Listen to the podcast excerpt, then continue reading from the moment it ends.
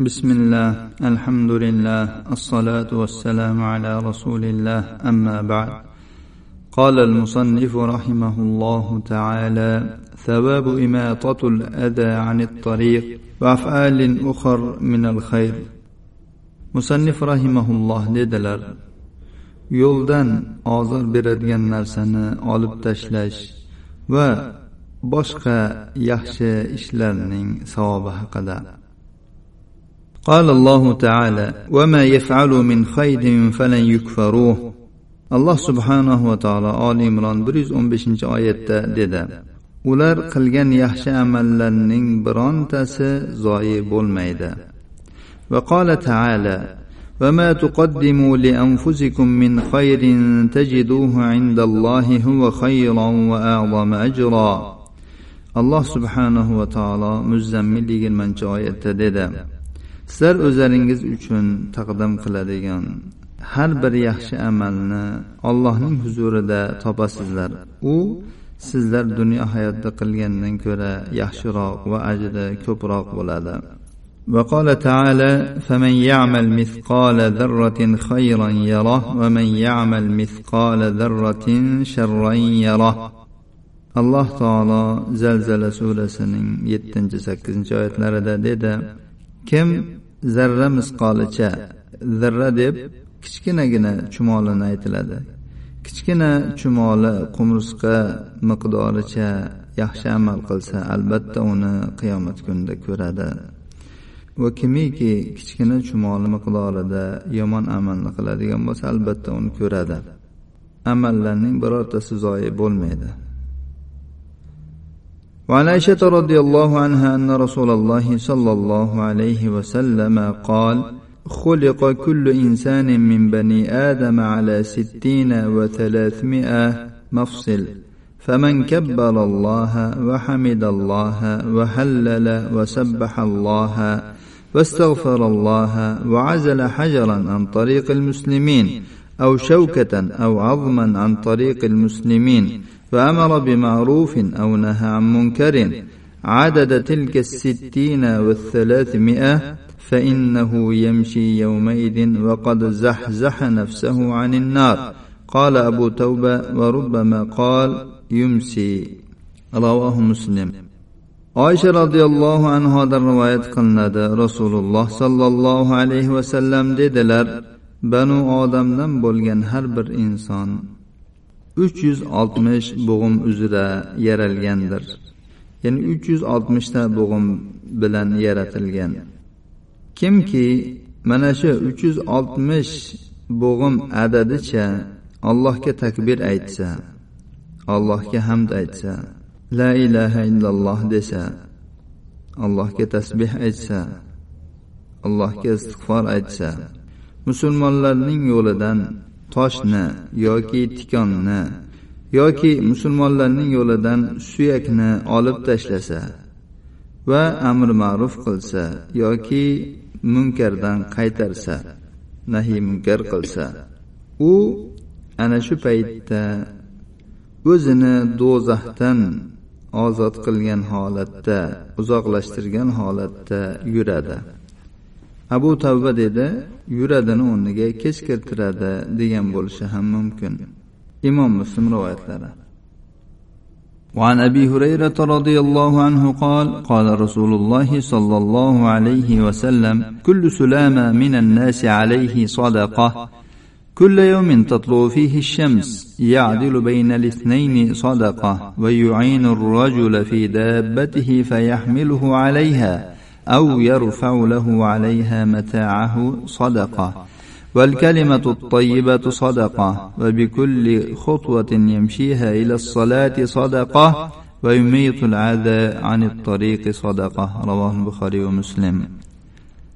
أبو هريرة رضي الله عنه دروات قلنا دد رسول الله صلى الله عليه وسلم أجدلت أدم نردن هرب بغم استدى بر صدقة واجب در.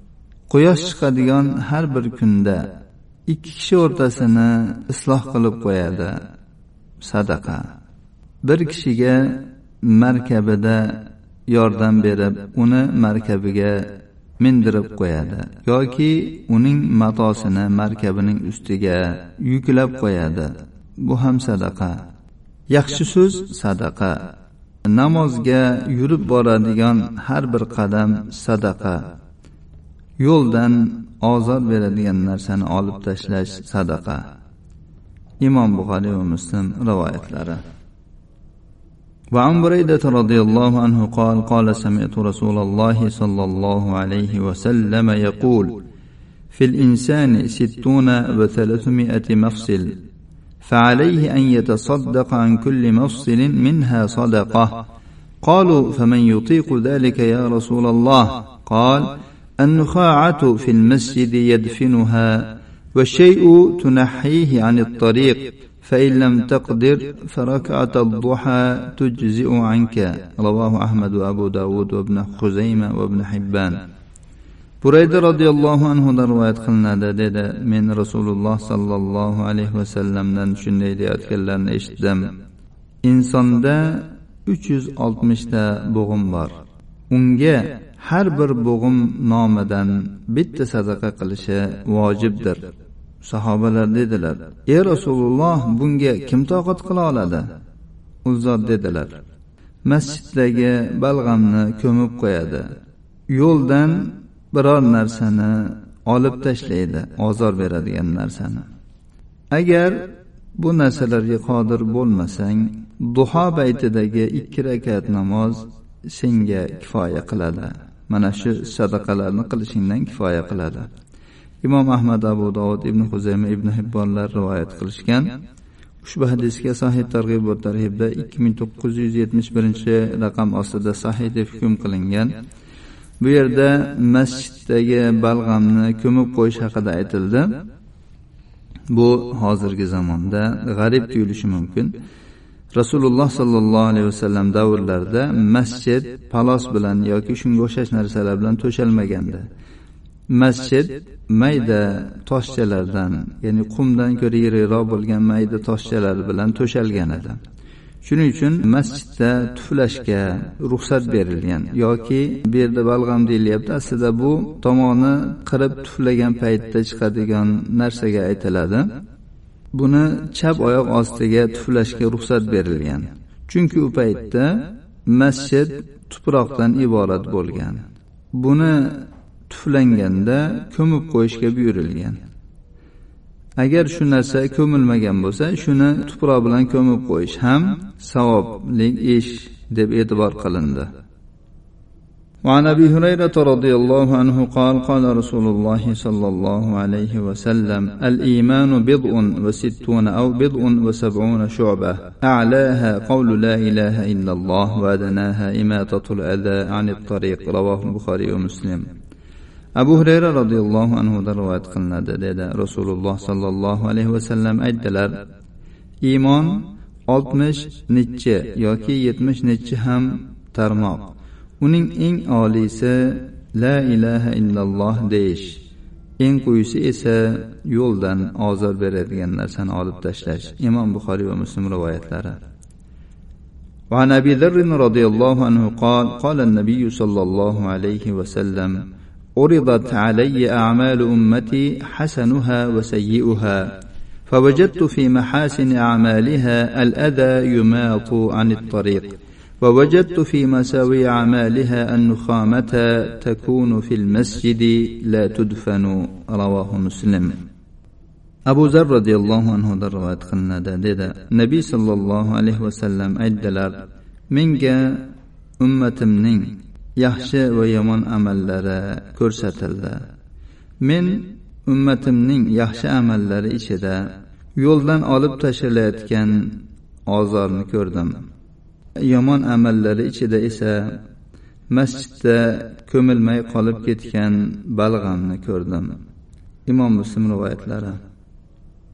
وعن ابي هريره رضي الله عنه عن النبي صلى الله عليه وسلم انه قال بينما رجل يمشي بطريق وجد غصن شوك فأخره فشكر الله له فغفر له رواه البخاري ومسلم وفي رواية لمسلم مر رجل بغصن شجرة على ظهر الطريق فقال والله لأنحين هذا عن المسلمين لا يؤذيهم فأدخل الجنة. وفي رواية أخرى له قال لقد رأيت رجلا يتقلب في الجنة في شجرة قطعها من ظهر الطريق كانت تؤذي المسلمين. وفي رواية لأبي داود قال رسول الله صلى الله عليه وسلم نزع رجل لم يعمل خيرا قط غصن شوك عن الطريق. إما قال كان في شجرة فقطعه وإما كان موضوعا فأماطه عن الطريق. فشكر الله له ذلك فأدخله الجنة. أبو هريرة رضي الله عنه روايات قلنada nabiy sollallohu alayhi vasallam dedilar bir kishi yo'lda ketayotganda u tikonlik daraxt shoxini topib oldi va uni yo'ldan olib tashladi. Olloh uning bu ishidan mamnun bo'ldi va uni gunohini kechdi.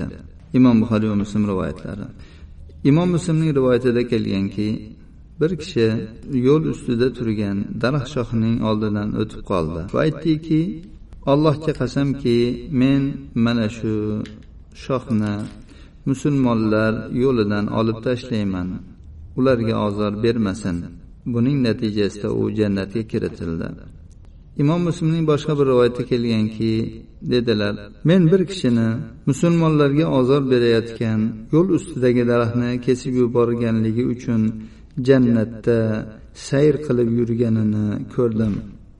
Abu dovudning rivoyatida kelganki rasululloh sollallohu alayhi vasallam dedilar biron yaxshilik qilmagan bir odam yo'ldan tikonli bir daraxt shoxini kesib yubordi. Sug'urib tashladi. Yoki aytdilarki bir daraxtda edi u shox ana shu shoxni kesib tashladi. Yoki u yo'lga qo'yilgan edi uni yo'ldan olib tashladi. Alloh taolo uning bu ishidan mamnun bo'ldi va uni jannatga kiritdi. وعن أنس بن مالك رضي الله عنه قال كانت شجرة تؤذي الناس فأتاها رجل فعزلها عن طريق الناس. قال قال نبي الله صلى الله عليه وسلم فلقد رأيته يتقلب في ظلها في الجنة. رواه أحمد. anas ibn molik roziyallohu anhudan rivoyat qilinadi dedi odamlarga ozor beradigan bir daraxt bo'lganda bir kishi uning oldiga keldida uni odamlar yo'lidan olib tashladi. Anas aytadi nabiyulloh sollallohu alayhi vasallam dedilar men ana shu odamni jannatda ana shu daraxtning soyasida aylanib yurganini ko'rdim. Imom ahmad rivoyatlari ushbu hadisga sahih targ'ibot tarhibda ikki ming to'qqiz yuz yetmish yettinchi raqam ostida sahih deb hukm qilingan. Sababu man qatala vazag'an kalta kesak o'ldirgan odamning savobi وعن أبي هريرة رضي الله عنه قال قال رسول الله صلى الله عليه وسلم من قتل وزغة في أول ضربة فله كذا وكذا حسنة ومن قتلها في الضربة الثانية فله كذا وكذا حسنة دون الأولى وإن قتلها في الضربة الثالثة فله كذا وكذا حسنة دون الثانية. وفي رواية من قتل وزغا في أول ضربة كتبت له مئة حسنة وفي الثانية دون ذلك وفي الثالثة دون ذلك رواه مسلم abu hurayra roziyallohu anhudan rivoyat qilinadi dedi rasululloh sollallohu alayhi vasallam aytdilar kim kaltakesakni birinchi zarbada birinchi urushda qatl qiladigan bo'lsa u uchun mana shuncha hasana bo'ladi. Kim uni ikkinchi zarbada qatl qiladigan bo'lsa u uchun mana shuncha hasana bo'ladi ya'ni birinchisidan ko'ra kamroq. Kim uni uchinchi zarbada qatl qiladigan bo'lsa u uchun ikkinchi zarbadagidan ko'ra kamroq hasana bo'ladi. Boshqa bir rivoyatda kelganki kim kaltakesakni birinchi zarbada qatl qiladigan bo'lsa u uchun yuzta hasana yoziladi. Ikkinchisida qatl qilgan odamga undan ko'ra ozroq uchinchisida qatl qilganga undan ko'ra ozroq. Imom muslim rivoyatlari. Kaltakesak haqida aytiladi ibrohim alayhissalomga qavmi podshoh boshchiligida ulkan o't yoqib ibrohim alayhissalomni otishmoqchi bo'lganda kalta kesak olovni ostidan puflab turgan deb aytiladi. Ya'ni uni puflashi bilan olov e, yonib ham ketmaydi lekin uni shu yomon qilgan ishi vallohu alam. Shuning uchun kalta kesakni o'ldirishga buyurilgan. Mana birinchi zarbada urgan odamga yuzta hasana bo'lar ekan. Mo'ljalga yaxshi olib bittada o'ldirishga harakat qilish kerak. U dumi uzilib ketib uni qimirlab turishini zarari yo'q. Alloh subhanahu va taolo o'qib o'tgan hadislarimizga chiroyli amal qilishni barchalarimizga nasib aylasin. Hada va sallallohu ala nabiyina muhammad va ala alihi va sahbihi vasallam